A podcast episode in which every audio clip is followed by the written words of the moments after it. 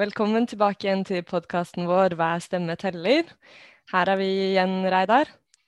Godt å være tilbake. Håper du har hatt det bra siden sist? Jeg har hatt det bra. Vi begynner å bli ganske vant til å gjøre det her nå. Vi gjør det. Det er femte, femte sendinga, om jeg ikke tar feil. Ja, ja det har blitt uh, såpass allerede. Hvordan er det med deg på hjemmekontor nå? Nei, det er kjedelig å ikke kunne være på jobb og møte kollegaer. Men eh, jeg har det jo sjøl ganske gunstig. Jeg har et eget rom jeg kan ha hjemmekontor i, hvor jeg sitter for meg sjøl og har fått skjerm hjemme og alt mulig. Så jeg har det egentlig ganske OK. Men, eh, men jeg savner å være en del av et kollegium. Det gjør jeg. Mm. Og du, åssen hvordan, klarer du det? Du holder jo egentlig, egentlig til på Blindern, men eh, nå må du bare være hjemme, du òg? Ja, det er jo kjedelig å være hjemme, men som du sier, så er vi jo, vi er jo blant de heldige. Og vi i dag, i dagens sending, så har vi jo med en gjest som vi har snakka litt med hvordan det er å være i en arbeidssituasjon hvor man ikke like lett kan ha hjemmekontor. Ja, da har, vi, da har ikke vi så mye å klage på lenger, så det er jo, det er jo for så vidt bra for oss å få med oss, da. Det er mm. Mm. Ja, for uh, mesteparten av denne sendinga går jo med til dette intervjuet som jeg nettopp nevnte. Vi har vært så heldige å få besøk av nyvalgt førstekandidat for uh, Rødt i Vestfold, Maren Njøs Kurdøl. Ja, og hun uh, har jo vært en aktiv Rødt-politiker lenge og, og gjort, en, gjort, en, god jobb for oss i, i, mange år allerede. Og de siste par årene siden, siden lokalvalget så har hun sittet på fylkestinget i dette dette nye fylket som heter Vestfold og Telemark. Eh, så Der sitter hun sammen med en annen førstekandidat for Rødt, nemlig Tobias Drevland Lund, som, eh, som er førstekandidat i Telemark.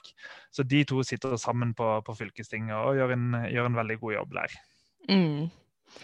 Ja, vi skal snart få høre intervjuet med Maren. Eh, og på slutten av sendinga skal vi også snakke litt om eh, om eh, nominasjonsmøter og hva som har skjedd i partiet i det siste. Og så har vi jo pleid å gå litt gjennom eh, aktuelle ting som skjer, da, Reidar. Nå, Forrige episode så satte vi av ganske god tid til eh, amerikansk politikk. Eh, vi skal ikke bruke like mye tid på det nå, men nå er jo Biden erklært vinner av, av valget.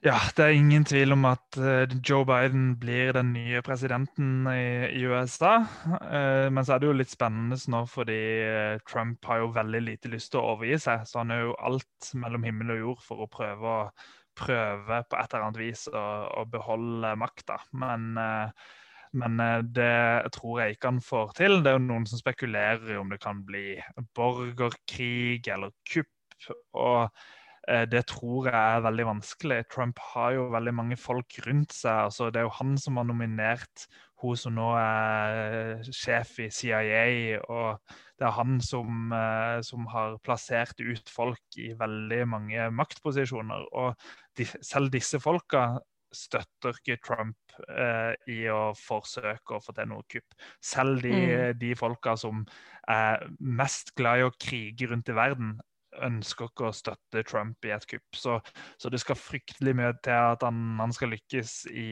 i, et sånn type forsøk. Så jeg tror ikke han kommer til å prøve en gang, selv om, selv om eh, det å se Twitter-kontoen hans akkurat nå, det kan faktisk være litt skremmende. Da. Men mm, det er liten ja. grunn til å, til å tro at noe sånt vil skje.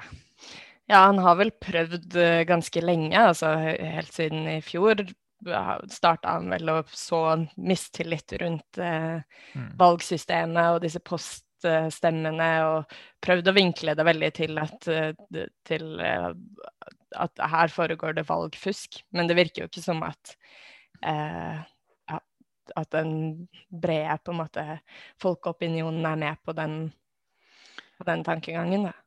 Nei, og jeg tror ikke han får med seg, med seg sin base engang på Altså, det, det, er noen få eh, locos, crazy people, gale folk, som kan, eh, kan, finne på å gjøre noen ting som ikke er bra. Men, uh, men, han får ikke engang med seg basen sin, tror jeg, på, på å kreve at han, han, vinner nå. Så det har kommet noen målinger som viser at det store flertallet av befolkninga er enig i at Joe Biden er vinneren av valget. Og det er i hvert fall et, et godt tegn, da. Så er det jo dessverre sånn at Joe Biden han, eh, han er ikke noen eh, bra politiker som redder framtida for oss. Så det, det, vi må håpe på nå, det er at denne grasrotbevegelsen i USA fortsetter å bygge seg sterkere for hver dag som går, og at de kan kreve gjennomslag, rett og slett. Eh, og Der er det kanskje er aller mest håp, det er å få litt gjennomslag i klimapolitikken og, og få eh, USA til å bruke mer penger på å skape nye grønne arbeidsplasser som kan erstatte fossilindustrien i USA. Da.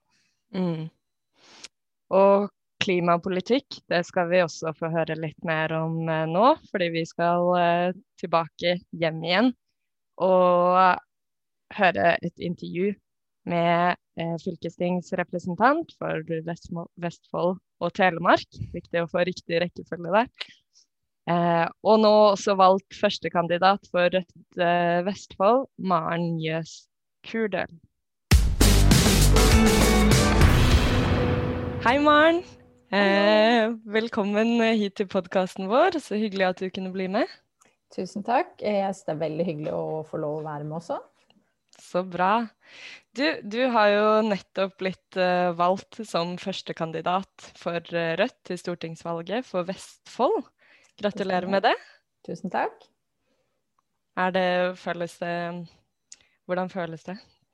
Eh, det føles eh, faktisk veldig bra, og litt overraskende så føles det litt bedre nå enn Jeg har jo vært stortingskandidat eh, før, og jeg har toppa lister tidligere også, men da har det vært litt annerledes å være listetopp i Rødt. Jeg husker en gang hvor jeg på en måte sa OK, da jeg kan ta det, hvis ikke noen andre føler at de har kapasitet og lyst. Mens nå var det liksom at jeg kjente at nå har jeg søren meg skikkelig lyst på den plassen, fordi nå kan jeg jo faktisk komme inn på Stortinget og, og gjøre en ordentlig forskjell eh, med den eh, plassen. Så det er veldig hyggelig, og enda litt hyggeligere enn det har pleid å være å få lov å, å få den tilliten. Så bra. Ja, vi har jo sett eh, at det har kommet noen ganske gode målinger for Vestfold nå i det siste. Så den reelle sjansen er jo der.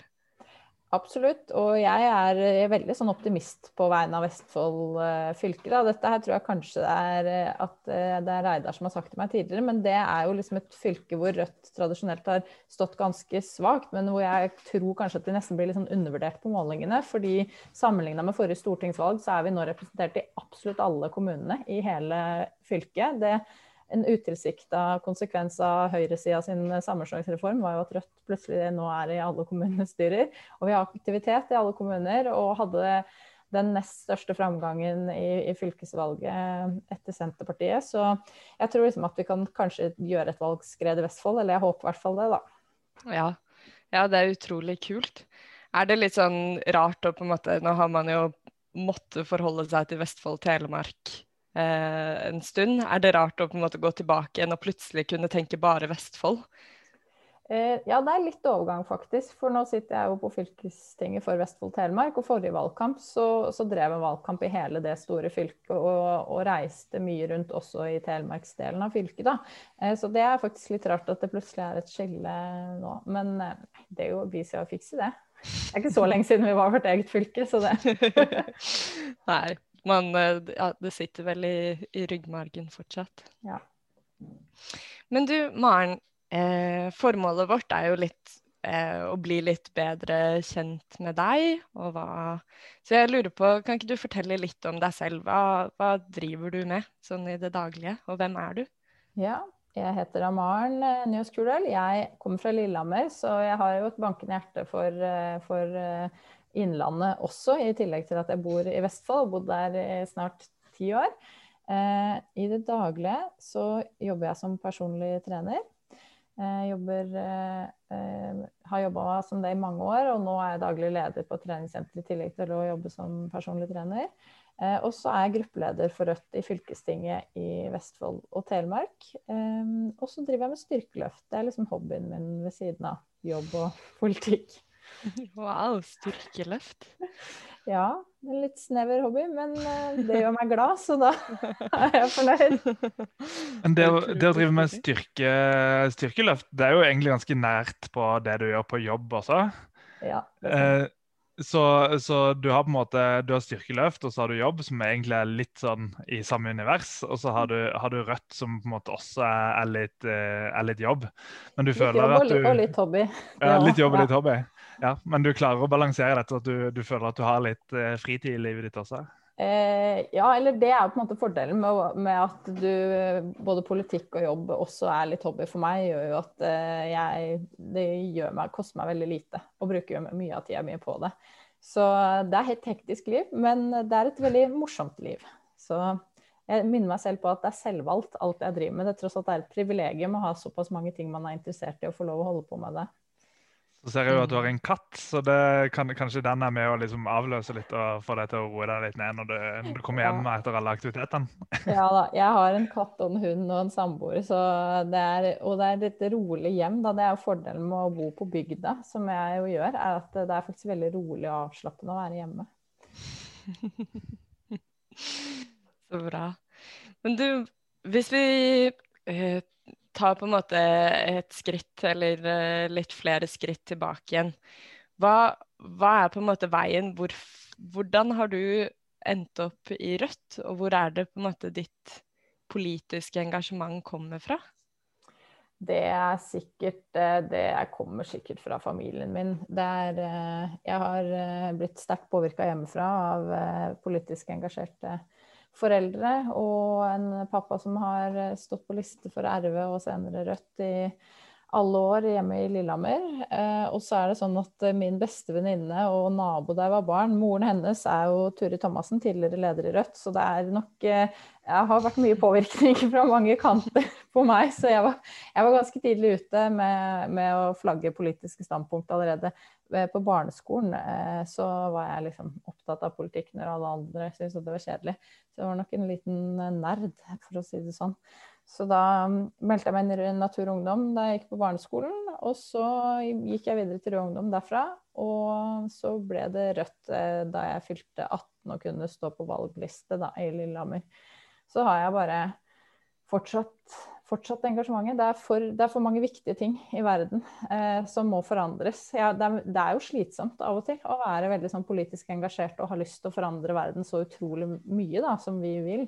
Eh, så det hender at man tenker off, hvorfor gidder jeg å bruke så mye tid og stange hodet i veggen? Men så er det den der følelsen at eh, en dag så skal jeg, og det høres litt sånn klisjé ut, men det er veldig sant for meg da, at en dag så skal jeg dø. Og da vil jeg liksom dø og kjenne at eh, jeg prøvde mitt beste for å forandre verden. Når jeg så at det var så mye som var galt, så vil jeg i hvert fall ha gjort en innsats for å forandre det til det positive, da.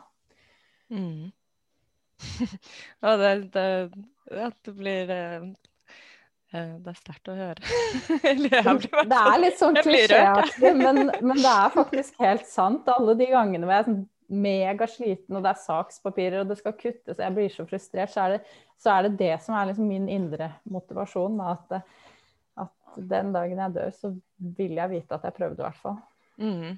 Og Det er jo gøy å se da med, med at Rødt faktisk vokser nå. og Både jeg og du Maren, har jo vært med på dette prosjektet ganske, ganske lenge. og Ja. Det var ikke så gøy å være med i 2013 når vi endte opp på 1,1% nasjonalt. og var litt sånn usikre på veien videre, på en måte, men nå, er vi jo, nå, nå går det jo tydelig framover. Og vi blir flere og har virkelig blitt en bevegelse. da, Så det er jo fryktelig gøy å få være med på den oppturen. Ja, det er faktisk helt fantastisk. Du tenkte at du var en av veldig, veldig få som drømte om et bedre samfunn. Eh, Og så ser du nå at det blir bare flere og flere og flere. Og ikke minst, jeg blir ekstremt, med tanke på klima- og miljøutfordringene, ekstremt inspirert av alle ungdommene som er, har klimastreika. Og altså virkelig Det gjør, at jeg får gåsehud, da, for å si det sånn. Så det er faktisk veldig gøy, som du sier, Reidar. Vi har liksom vært med siden det var rimelig trått i, i perioder. Så er det utrolig fint å få være med på den oppturen som det er i partiet nå, da. Mm. Men da har jo du på en måte en, en em, veldig sånn, sterk historie som aktivist. Men hvordan opplever du at det er når du nå plutselig er valgt inn på fylkestinget og eh, skal sitte og behandle saker? Og hvordan er det på en måte å um, Jeg tror vi alle kjenner på et sånn OK, vi må forandre verden. Et brennende engasjement. Men hvordan er den prosessen å på en måte skulle gjøre det til konkrete tiltak i et fylkesting, f.eks.? Eh, noen ganger så, så, er det lett at man ser at liksom noen enkeltvedtak kan være med på å skape stor forandring, og man kanskje kan løfte krav fra eh, bevegelser som fagbevegelsen eller miljøbevegelsen inn i det parlamentariske. Eh, og andre ganger så er det sånn at jeg liksom leser holdt på å si side på side med sakspapirer, og så må jeg liksom minne meg selv på at, eh, at eh, er, eh, politikk er mer enn dette, da. Altså, det er viktig for meg å tenke at det, det, er ikke bare det parlamentariske arbeidet som er viktig, det er viktig at vi gjør andre ting også. Så det er liksom å finne den balansegangen der. Um, men så er det det noen ganger så liksom, Som Rødt lite parti så er vi jo ikke bortskjemt med å få gigantisk gjennomslag, men noen ganger så får du noen gjennomslag som får ringvirkninger som du ikke trodde skulle skje, da. Og da gjør det det innmari verdt det likevel. Og da viser det på en måte at politikken også i fylkesting og kommunestyrer har noe å si. Og så er jo jeg en av de som mener at politikk er mye mer enn bare det som skjer innenfor eh, kommunestyresalen eller fylkestingssalen. Eh, og tenker at det er viktig at vi også jobber med de tingene utenfor, da. Mm. Ja, absolutt. Og det handler jo om å også vise frem og kunne sette et eksempel, selv om man ikke får gjennomslag. Men det å vise at man har et alternativ, å få folk til å se det og forstå det også. Mm. Helt klart. Men du snakka litt om, eh, om, gjennomslag hvor man eh, ser uforutsette ringvirkninger. Eh, har du noen eksempler på det? Som, jeg ble litt nysgjerrig. Jeg har et veldig veldig, veldig godt eksempel, faktisk. Det er eh, fra, for ganske mange år tilbake, da jeg var vara i, i kommunestyret i Lillehammer. Men dette er et eksempel på, på, hvordan man jobber med en knøtteliten sak, og så får det helt konsekvenser man ikke aner. Eh, så en av de tingene som jeg har vært mye opptatt av, er miljø og dyrevern. Og vi foreslo i Lillehammer kommunestyre sammen med Miljøpartiet for mange mange år siden at kommunen ikke skulle leie ut kommunal grunn til sirkus som brukte eksotiske dyr. Vi fikk ikke engang gjennomslag for det forslaget i Lillehammer, men veldig mange andre kommunestyrerepresentanter rundt om i Norge plukka opp ideen.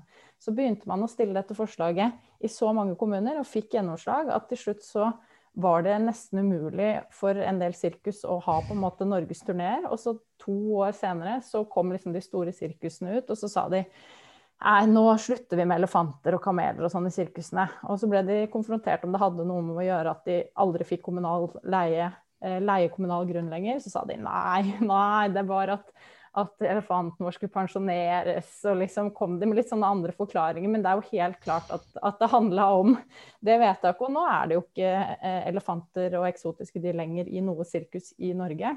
Og det er litt sånn eh, en sånn liten ball som begynte så vidt å rulle i, i Lillehammer kommunestyre, da, og som rulla et sted som ikke jeg ante at skulle skje. Eh, og det, sånne, sånne, ting gjør det liksom veldig verdt det. Da. For da tenker du at OK, men selv de minste ting kan få noen ringvirkninger man ikke forutser. da. Veldig godt eksempel. og der har Du jo, du har jo en del andre sånne spørsmål også som har blitt løfta fram i, i kommuner, som, eh, som, at man skal beholde arbeidsmiljøloven i kommunen, selv om mm. man, eh, man, river den fra hverandre nasjonalt. og en del andre sånne type spørsmål, hvor du ser at når kommunestyrer begynner å løfte fram saken, selv om det ikke er flertall der engang, så bidrar det til å løfte debatten nasjonalt. Da, og, og sånt, Absolutt. Et annet godt eksempel er jo eh, altså Seriøsitetsbestemmelser sier jo vi som er eh, drevne politikere, men det er jo ikke sikkert alle helt Det er jo liksom politikerspråk, men det betyr jo egentlig bare å stille krav når kommuner og, og fylker kjøper Eh, tjenester, så stiller man krav om seriøse arbeidsforhold og lærlinger og en del sånne ting. Og det begynte jo i Telemark som et enkeltvedtak i én kommune i Skien. Eh, og så nå man jo, begynner man å få nasjonale eh, modeller for å stille sånne typer krav. ikke sant?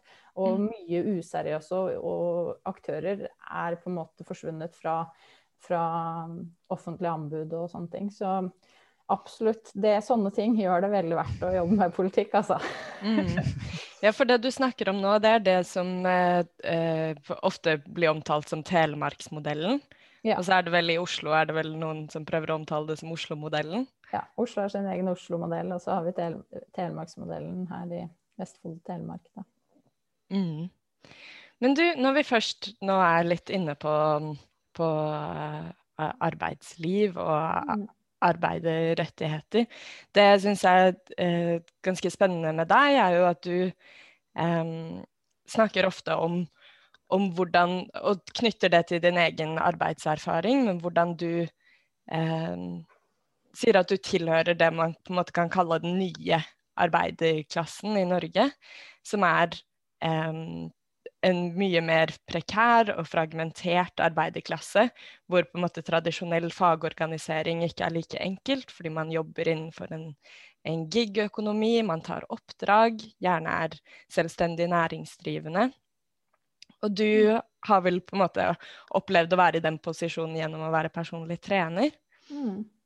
Hvordan kan vi på en måte forstå den type nye arbeiderklassen i en sånn politisk eh, eh, kontekst, og gjennom, gjennom Rødt-linser? Eh, mm. Et lite spørsmål der, veldig bra. ja, eh, hvor skal jeg starte, liksom? Altså, eh, jeg kan jo bli litt sånn irritert når eh, folk sier sånn Å, eh, hvor er liksom arbeiderne i Rødt og personlig trener, særlig at det er et arbeiderklasseyrke. Eh, fordi det vitner om en sånn at man mangler forståelse for eh, hvordan veldig mange av de nye yrkene, som veldig mange unge folk har, og, og mye sånn kreative yrker og sånn, hvordan det er i de yrkene. Og så tror jeg kanskje at fordi at du liksom ikke jobber og blir skitten på hendene og sånn, så virker det liksom mye mer glamorøst enn det det egentlig er, da. Mm. Eh, det samme gjelder nok f.eks. lydteknikere eller, eller, folk som jobber i designbransjen, sånne type ting. Og det som er som vår utfordring, er at eh, vi stort sett ikke har lønn hvis vi ikke har kunde. Det mm. liksom, gjelder for en personlig trener, men det samme vil gjelde for eh, f.eks. en lydtekniker. Har du ikke oppdrag, så har du ikke lønn. Eh, og det gir jo en ekstremt økonomisk usikkerhet. Eh, og så av en eller annen grunn så har man liksom ikke klart å få ryddige forhold for den bransjen, og det tror jeg handler om mange forskjellige ting. Jeg tror det handler litt om at veldig mange av oss jobber på en måte med hobbyen vår, og da tåler man litt mer, og man blir, blir liksom fortalt, Vi er jo en generasjon som har blitt fortalt at jo, jo, men hvis du bare jobber hardt nok, så kommer du til å lykkes til slutt. Og du må, er jo heldig som får jobbe med noe du elsker, og sånne ting. Som gjør at man kanskje ikke står så hardt på kravene som det tidligere generasjoner har gjort i andre yrker. Eh, så tror jeg det handler litt om at fagforeningene ikke helt har klart å ta tak i vår type arbeidsgruppe. Og det, det, dette er liksom helt reelt når jeg snakker med Jeg er jo fagorganisert og har god kontakt med mange i mitt forbund, men dette er sånn helt reelt. Når jeg snakker med de, så sier de ja, det stemmer. Eh, vår tariffavtale er ikke godt tilpassa din yrkesgruppe i det hele tatt. Ja, vi sliter med å rekruttere i, i gruppa. Det er mye unge folk, det er høyt gjennomtrekk. Eh, vi har ikke gode tariffavtaler å tilby. Det en stor utfordring. Og så tror jeg at deler av liksom arbeidsmiljøloven også eh, treffer litt dårlig eh, mm. for for oss. Så det som f.eks. når jeg snakker med mine kollegaer da, som kan bli kjempefrustrerte over den økonomiske usikkerheten der, og det er helt reelt at en nyansatt personlig trener kan risikere å jobbe nesten tolvtimersdager og kanskje tjene 5000 kroner sin første måned. Eh, når de er frustrert over det, så, så, er det liksom ikke så veldig mye å tilby de. Sånn, hvis jeg sier ja, du kan bli fagorganisert, og så sier de ja, hva får jeg ut av det? Så kan man liksom Det er ganske dyr medlemskontingent, og så er ikke tariffavtalen tilpassa. Og så går vi i arbeidsmiljøloven, så er det ingenting som på en måte beskytter oss helt der. Og det er en kjempeutfordring, og jeg, synes, jeg mener at det trenger ikke nødvendigvis være meg akkurat, men sånne folk som meg, som, som har levd i det eh, arbeidslivet, de trengs i politikken. Og det er ganske få av det i politikken. Og jeg blir sånn irritert hvis arbeidere bare skal være folk som jobber i industri eller helse- og omsorgsarbeidere. fordi at den type arbeidserfaring som eh, folk som meg har fra sånne yrker, det er ekstremt viktig for å utforme politikken for å gi trygghet for nye generasjoner. For det er så mye unge folk i de her yrkene. Og hvis ikke vi klarer å vise de at det finnes et fellesskap som kan ta vare på sånne folk, så ja, da ender de jo opp med å eh, kanskje bli uføre eller havne på siden av arbeidslivet, eller i hvert fall ikke stemme på et parti som, som Rødt, hvis vi ikke klarer å gi dem på en måte en løsning de kan tro på. Da. Mm. Um, for dette er jo en generasjon som er som sagt vokst opp med ekstremt individfokus. Jeg mener liksom må utforme ja. politikk som gjør at de også får tro på at det å være en del av et fellesskap eh, gir dem både den beste tryggheten og friheten i livet sitt. da. Mm. Ja, det var langt svar. ja, men jeg tror det er kjempeviktig det du sier. Og som, altså som ung selv og med mange venner som befinner seg i lignende situasjoner, så, så peker du jo på, på, et problem som også er, veld, som er strukturelt, men som så lett oppleves helt individuelt. Mm. Fordi som oppdragstaker eller som en uh, frilanser, så ser man jo på en måte på andre som er innenfor sin egen bransje, og man mm. konkurrerer med dem. Og så er det veldig veldig vanskelig å, å, forstå hvordan Fordi man tilhører jo et interessefellesskap, mm. men hvordan man skal klare å organisere seg som kommer hele det på en måte som gagner hele det interessefellesskapet, da. Mm. Så det jeg lurer på, er litt sånn hvordan kan vi på en måte tenke løsninger her? Er det en må, man, må vi se til fagforbundene? Er det de som må på en måte utvikle nye modeller? For tradisjonelt så har jo folk vært fagorganisert. Altså fagorganisert har jobba på eh, vært arbeidstakere på, under samme sjef, under samme selskap, på samme gulv. Man ser hverandre, man har muligheten til å snakke sammen og utforme politikk. Men i denne, liksom, dette prekariatet, da, så står man jo mye mer alene. Mm. Jeg tror Jeg skal være helt ærlig og si at det, her ligger det jo ikke så mye politikk utforma, så dette er jo litt løse tanker fra min side òg. Eh, men jeg tror det er en kjempefordel om, om fagforeningene eh, forstår denne yrkesgruppa og tar den på alvor i, i større grad, og klarer å liksom kjempe fram eh, tariffavtaler og eh, avtaler som egner seg eh, for sånne type yrkesgrupper. Jeg tror også, fordi at det går an å innrette lovverket litt annerledes. Det er ikke så veldig lenge siden det kom noen endringer i lovverket som sa det at hvis man på en måte har ansatt en personlig trener og sier du skal bare jobbe på dette senteret, så er det ikke lov å ikke gi dem en lønn å leve av. Men det har fått veldig lite konsekvenser for bransjen, fordi at bransjen også syns det er veldig vanskelig å vite hvordan man skal tolke den loven, og hva er en lønn å leve av, hvor mye er det. Og der kan man liksom innrette lovverket eh, tøffere. og og si jo, det skal være en minstelønn på dette. Hvis, hvis, du forventer at din personlige trener er på jobb alle dager i, i uka, så, så, så, forventer vi at det betales ut minimum en månedslønn som er tilsvarende sånn eller slik. Eh, det er selvsagt mulig å gjøre. Og så eh, tror jo jeg på at eh, altså vi prøver ut en annen modell på det treningssenteret jeg jobber på nå, hvor eh, trenerne har laget sitt eget AS som de eier selv og ansetter seg selv i. Oh, ja. Som blir på en måte arbeiderdrevet. Så jeg tror jo også mm. det er bra at noen går liksom foran og sier å ja, men det går an å løse dette på en annen måte. Liksom. Man kan ta eierskap til sitt, sin egen jobb eh, og organisere det på en sånn her måte at, at eh, de som er ansatt, sitter igjen med mer av verdiene, f.eks. Så jeg tror liksom en kombinasjon av det. Og jeg tror jo også på, liksom rent politisk, som politiker, at, at vi må snakke til yngre folk på en sånn her måte si men det er mulig med fellesskapsløsninger i din situasjon. Det er mulig å stille kollektive krav. Det går an å få opp bransjestandarder i f.eks. kreative yrker som sier eh, nei, dette er minimum som bransjen mener at man skal ta betalt for en jobb på så og så mange timer. Eh, og så kan man gå kollektivt sammen og få et stort flertall til å til å følge sånne bransjestandarder, så har det kjempekraft. Men eh, noen må liksom ta den jobben og gå foran. Og jeg tror det er viktig at også politikere tør å snakke om de tingene her, da. Mm. Mm. Dette er jo kjempespennende i sånn sosialismeprosjekt for framtida, liksom.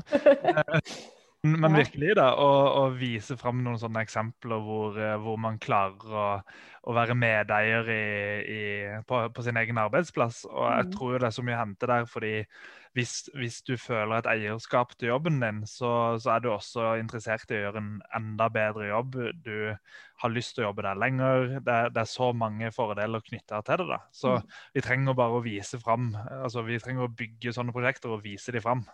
Absolutt. Det er, noe med å starte å si sånn Ja, men det går faktisk an å gjøre det på denne måten. Og, Mm.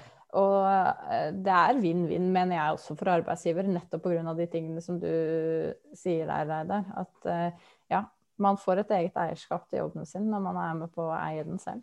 Mm. Mm. Men for å gå litt over, altså Nå snakker vi jo om, eh, f- om ting som er knytta til, til jobben din og det, det du holder på med. Og så er vi jo i denne koronakrisa nå, som nok en gang så har eh, tiltakene blitt stramma inn. Og, og jeg så at du hadde en, en eh, skikkelig rant på, på Facebook eh, dagen før dette intervjuet. da. Eh, Så jeg lurer på om du kan fortelle litt om, eh, om den, egentlig. Ja, jeg var veldig sint i går, det må jeg innrømme. Jeg jobber jo i Asker, og vi fikk pålegg om å stenge ned treningssentrene i går. Og um, en av hovedgrunnene altså Oslo har jo stengt sine treningssenter. eh, Og en av hovedgrunnene til at man så at man måtte stenge i Asker og Bærum òg, var fordi masse folk fra Oslo reiste over grensa eh, for å trene, og det ble lange køer da. Og da kjente jeg at det var litt Da var jeg litt sint i går. men men i det litt sånn større bildet da, så handler det om for meg eh, at hvis man ivaretar fellesskapet skikkelig bra, så er det det som gir mest frihet til folk. Og så har vi liksom blitt eh, lært opp til at det er individets frihet til å tenke på seg selv som er liksom den ekte friheten. Og noen ganger føler jeg altså friheten til å bare handle og shoppe det man vil. Det er liksom, liksom kapitalismens frihet. da. Mens i, under koronaen, og det som jeg var veldig irritert over, er at der har man litt for mange ganger, synes jeg, satt liksom individets frihet til å gjøre noen små ting foran fellesskapets behov for å holde smitten nede. Og konsekvensen i andre enden da er jo at man må stramme inn ytterligere, som reduserer folks frihet mye, mye mer enn enn i utgangspunktet. Da. Og da mener jeg f.eks. Liksom, eh, det gjelder både på politisk nivå, da. F.eks.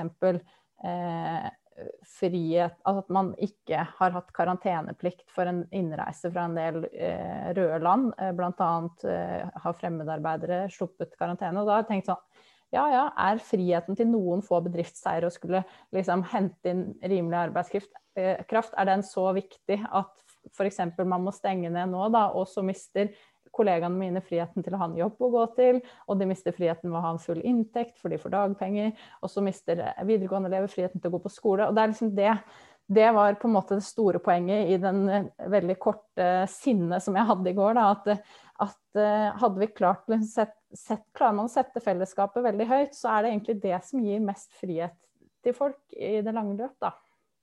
Mm. Ja, et utrolig, et utrolig godt poeng. Jeg syns det, det er veldig spennende akkurat det du påpeker, den uh, ideen om frihet. Nå har vi jo i det siste snakka veldig mye og hatt liksom Det har vært mye fokus på det amerikanske valget. Og det du sa der om at hva, hva er egentlig frihet? Det er jo det er den friheten til å kunne shoppe hva du vil.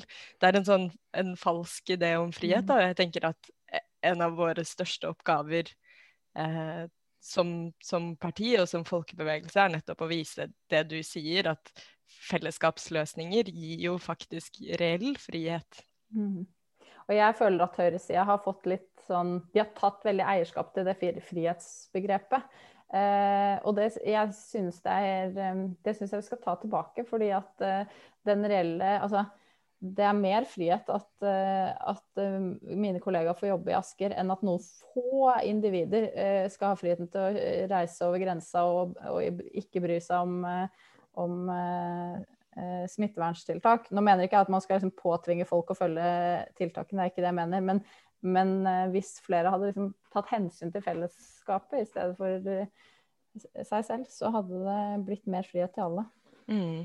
Det handler om politisk ledelse, og det er utrolig frustrerende å se. Altså, nå, nå, var jeg, nå, var alle med og tok et skippertak i vår, eh, og vi var nesten kvitt korona i Norge. Og så slapp du løs noe sånn Dette med Spania-reisene og dette med med, med fremmedarbeidere eh, som, som, var totalt unødvendig. Mm. Eh, fullstendig unødvendig. Og det at Altså, jeg, jeg, var så irritert der når, eh, når, det kom sånne oppslag som Rekker eh, de som kommer fra Spania å komme hjem tidsnok så de slipper karantene?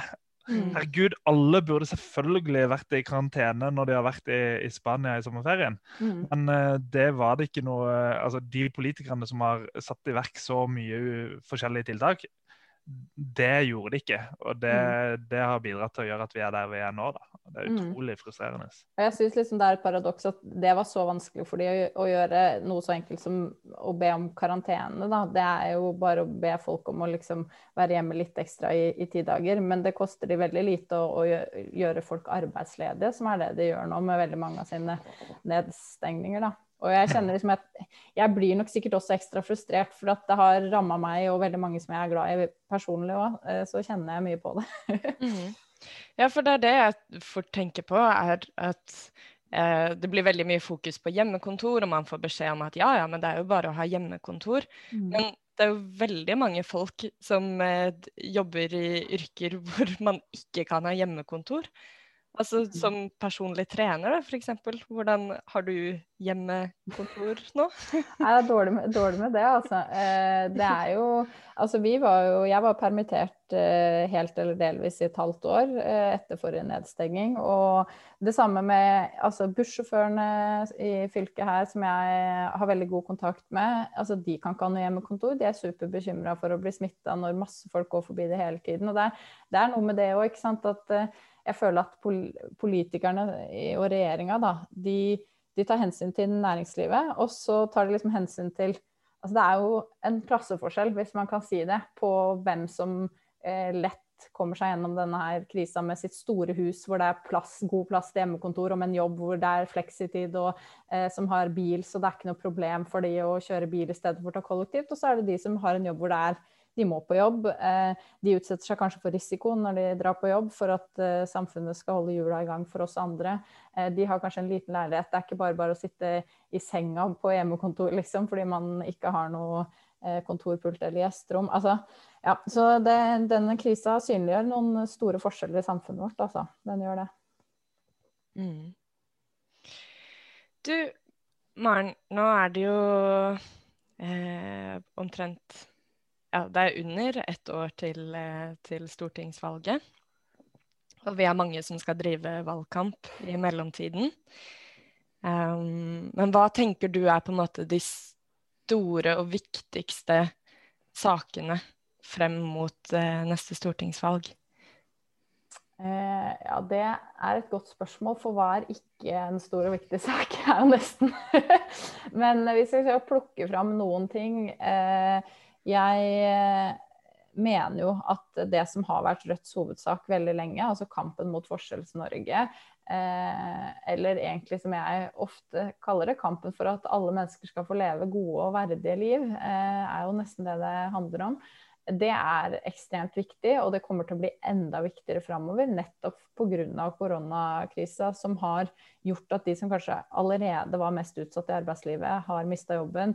Eh, de som har hatt lav inntekt med dagpenger, er de som ikke får så mye feriepenger neste år. Altså alle disse tingene som forsterker de økonomiske forskjellene, det må vi eh, kjempe for å snu.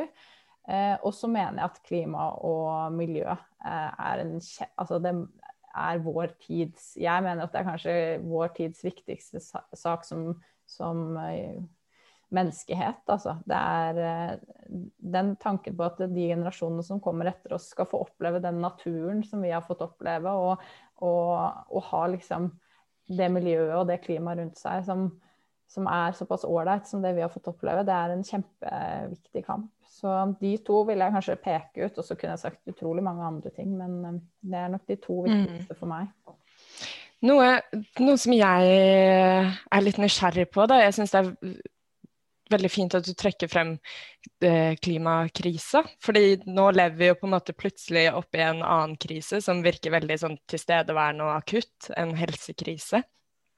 Eh, og da er det lett at den eh, litt sånn obskure klimakrisa som for mange sikkert ligger litt i fremtiden, eller er veldig uhåndgripelig, eh, faller litt i bakgrunnen. Men jeg lurer på hvordan kan vi på en måte se de to i sammenheng? Er det på en måte eh, Er det noen ting som skjer med, med, den helsekrisen vi gjør i, som på en måte kan også hjelpe oss på vei mot å håndtere klimakrise? Jeg håper jo virkelig det. Jeg, altså, noen ting som eh, Hvis man kan eh, si at det kommer noe bra ut av en pandemi, da, det er jo eh, Det gjør det jo på en måte ikke. Men noen viktige lærdommer da, som har i hvert fall blitt veldig tydelig for meg av denne koronakrisen, det er jo for det første sammenhengen mellom det kapitalistiske systemet vi lever i, og klima- og miljøkrisen. Fordi at det som skjedde når liksom vi måtte redusere den økonomiske aktiviteten, eller vi måtte redusere forbruket vårt, flyreisene våre, fabrikker eh, ble stengt ned, som var en katastrofe for økonomien. Det viste seg å være veldig bra for miljøet. Eh, utslipp gikk ned, og vann ble renere. Og det synliggjorde den sammenhengen mellom at vi lever i et økonomisk system som krever at vi hele tiden bruker mer og mer og mer penger, eh, og at det går veldig utover en jordklode som ikke tåler at vi hele tiden eh, forsøpler mer og mer og forurenser mer og mer og bruker mer og mer av klodens ressurser. Så jeg har mange ganger brukt, eh, brukt koronakrisen som et veldig sånn, tydelig eksempel på eh, hvordan kapitalismen ødelegger, eh, ødelegger miljøet og klimaet. Eh, så det er i hvert fall noe som har blitt veldig synlig. Og så det som gir meg litt håp, da, det var jo at denne krisen viser jo at det er mulig å ha veldig rask og eh, kraftig politisk handling.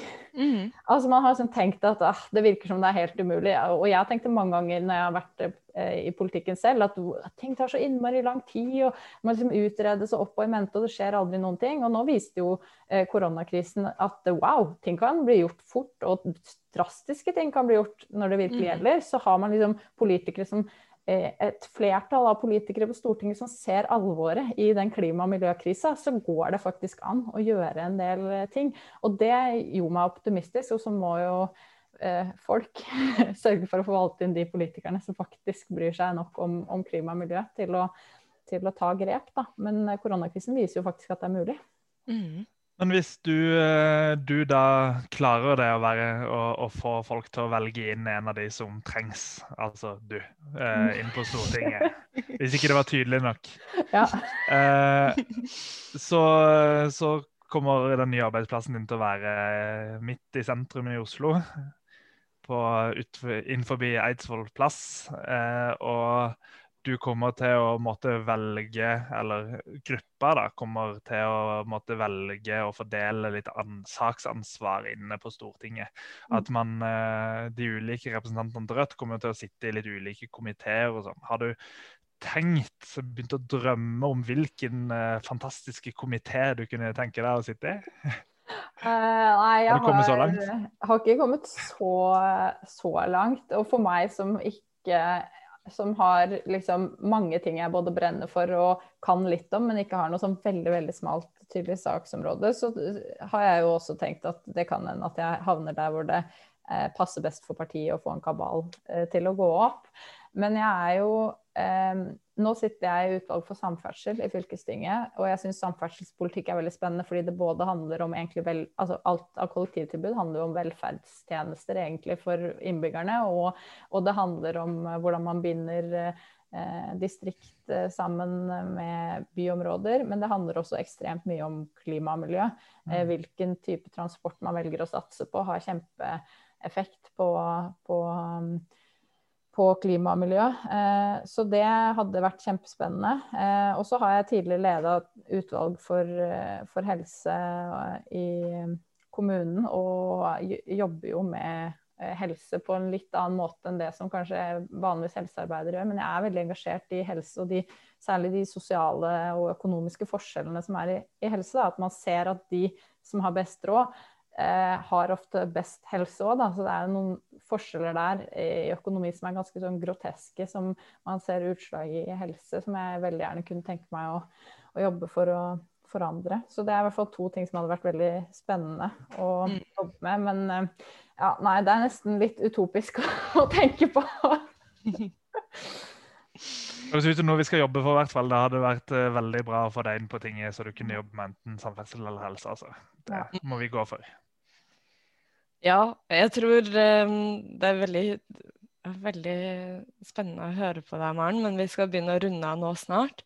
Men jeg lurer litt på, sånn helt på tampen For nå er vi jo, vi er jo mange som uh, skal drive valgkamp uh, fremover. Og du har jo vært med på en del runder med valgkamp selv. Um, og akkurat nå er vi jo på en måte i en spesiell situasjon hvor man kanskje ikke kan gå ut og, og møte så mange folk, da. Mm. Men har du, noen, har du, noen, tips til alle oss som eh, så smått allerede nå skal begynne på denne valgkampsrunden?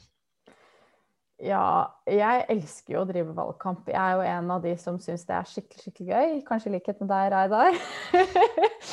eh, og det beste jeg syns med, med, å drive valgkamp, det er faktisk at det er mye lettere å komme i kontakt med folk. Fordi folk er litt ekstra interessert i eh, politikk og hører på hva som er de ulike partienes politiske løsninger.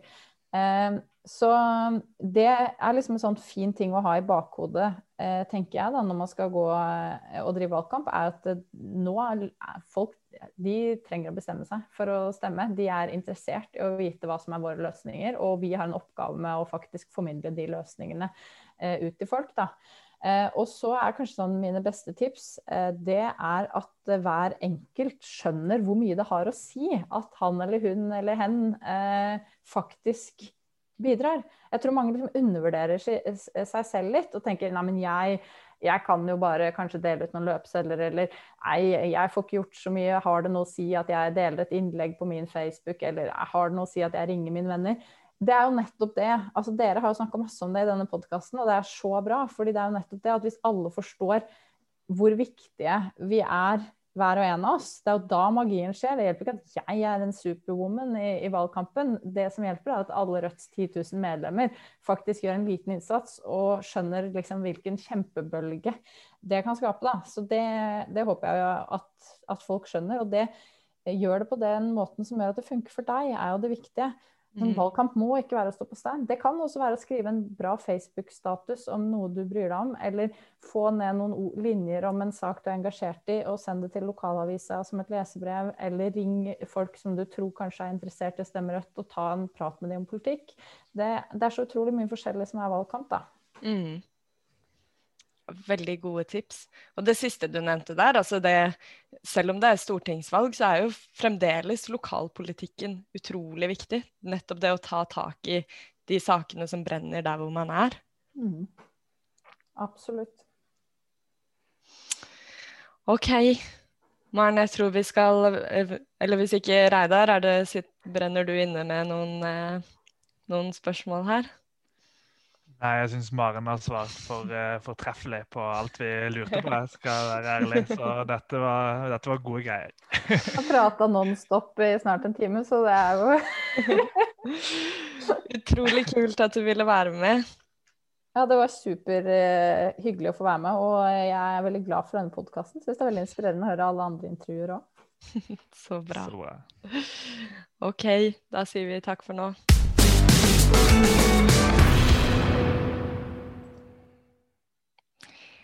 Det var uh, intervjuet med Maren. Og nå uh, vet jeg, Reidar, at du har uh, sjekket litt i tallene her. Og spørsmålet er jo er det sannsynlig at Maren kommer til å komme inn på Stortinget i 2021? Det er høyst mulig, i hvert fall. Så har vi i en tidligere podkast snakka om valgsystemet, og at eh, man må bli valgt inn som direktemandat fra hvert fylke, og at det f.eks. er lettere i et uh, fylke eller stortingsvalgdistrikt som Oslo, hvor det bor veldig mange mennesker. I Vestfold bor det litt færre mennesker, som gjør at du skal gjøre det veldig bra for å komme inn på direktemandat. Så for å være helt bombesikker på å komme inn med såkalt direktemandat, så må du opp i nesten 13% i Vestfold. Så det er jo veldig, veldig høyt. Det kom en måling i februar eh, i Vestfold. Den ga Rødt 3,2 eh, som er ca. det samme som det man fikk i, i Vestfold i, i, fylkestingsvalget. Altså når det var Vestfold og Telemark, da, men da var det ca. det man fikk i Vestfold. Så, så, man har på en måte et stykke å gå opp dit for å være sikre på et direktemandat. Men så kommer dette, dette eh, utjevningsmandatet. Så er det utjevningsmandat, ja.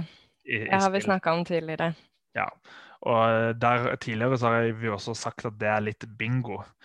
Eh, men eh, på den målinga som kom i februar, så er, så, så er det noen partier som ligger over Rødt. Eh, men som ligger under denne grensa for å få direktemandat. Eh, mm. Uh, og det er SV, Miljøpartiet, KrF og Venstre. Så er det jo sånn nå at uh, på målingene i lang tid så har KrF og Venstre ligget under sperregrensa. Og hvis de kommer under sperregrensa, så har det ingenting å si om de gjør det litt bedre enn Rødt i Vestfold. For da, da, har, da får ikke de det utjevningsmandatet uansett. Så kommer spørsmålet hvem er størst av Rødt, Miljøpartiet og SV og eh, er Rødt størst, eh, klarer vi å karre oss forbi de to andre partiene, da er det veldig sannsynlig at Maren kommer, eh, kommer inn på Stortinget.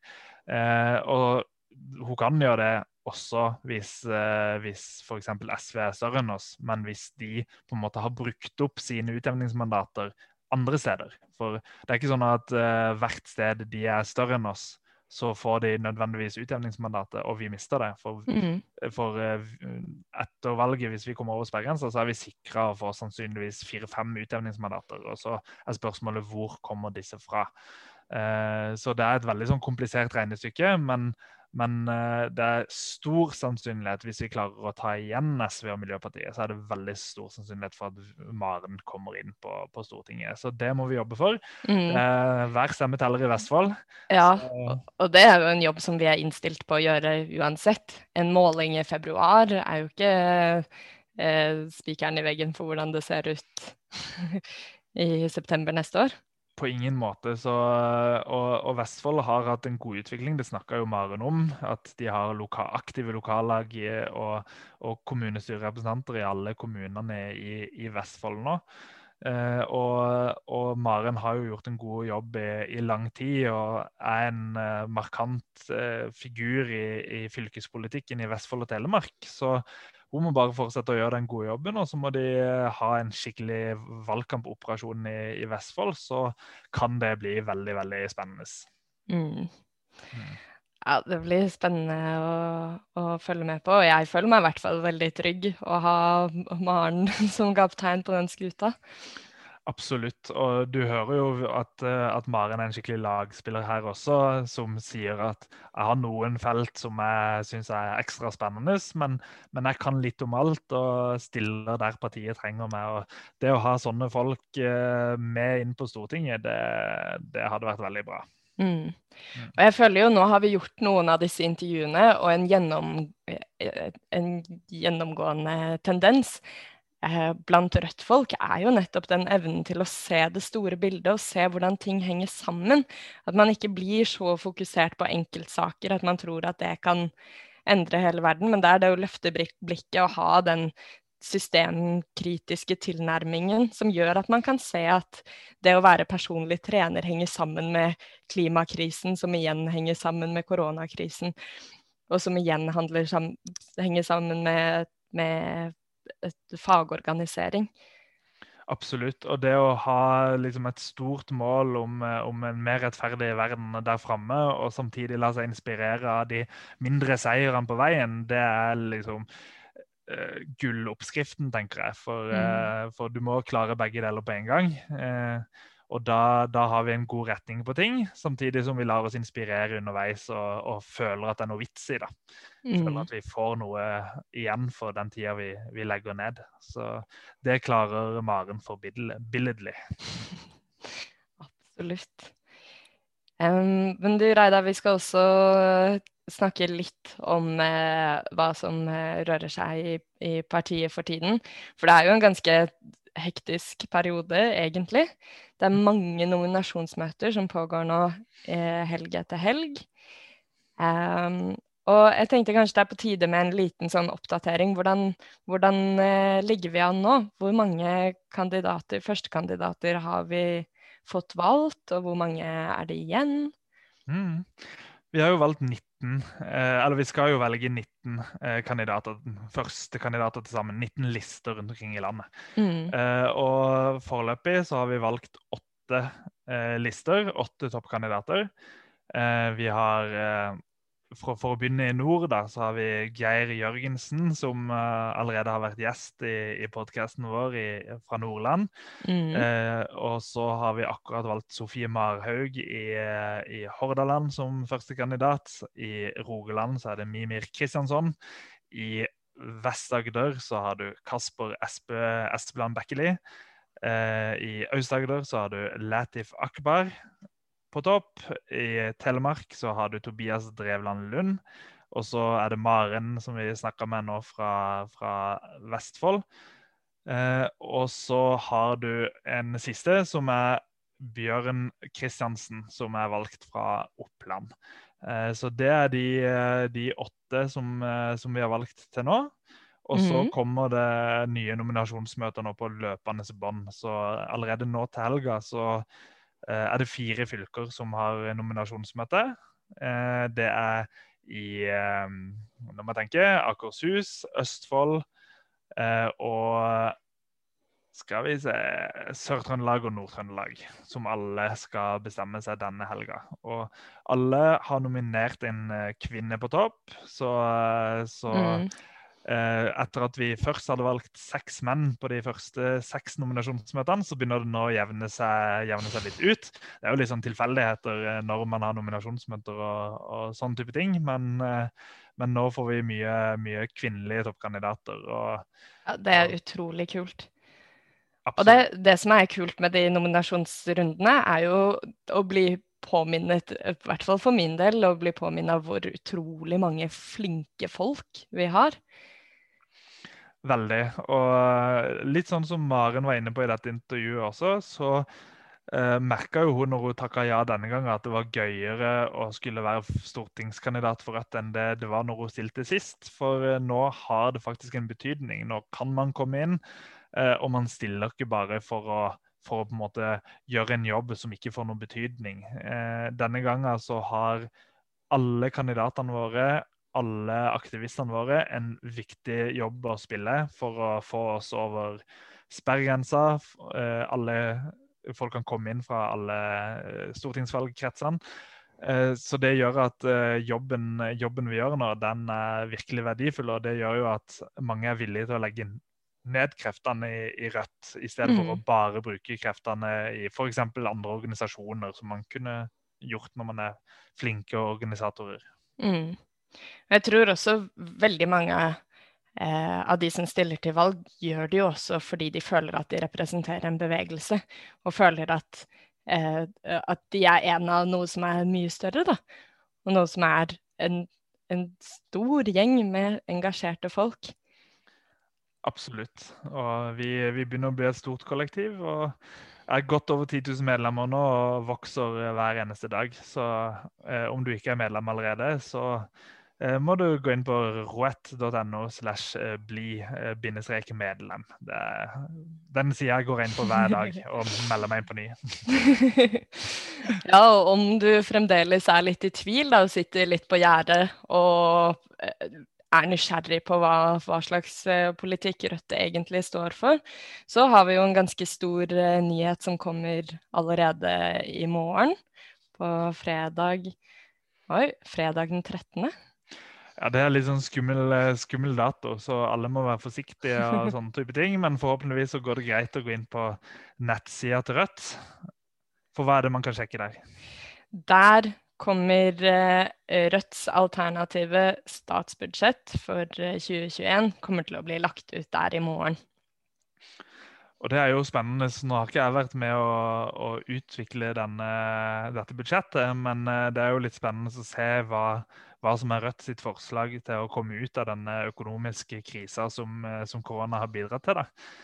Eh, mm. Det, det, snakkes jo mye om hvor mye oljepenger man skal bruke og, og ditt og datt. Så det å se hva er løsninga til finansminister i Rødt, eh, Marie Sneve og resten av gjengen på Stortinget, det blir veldig spennende.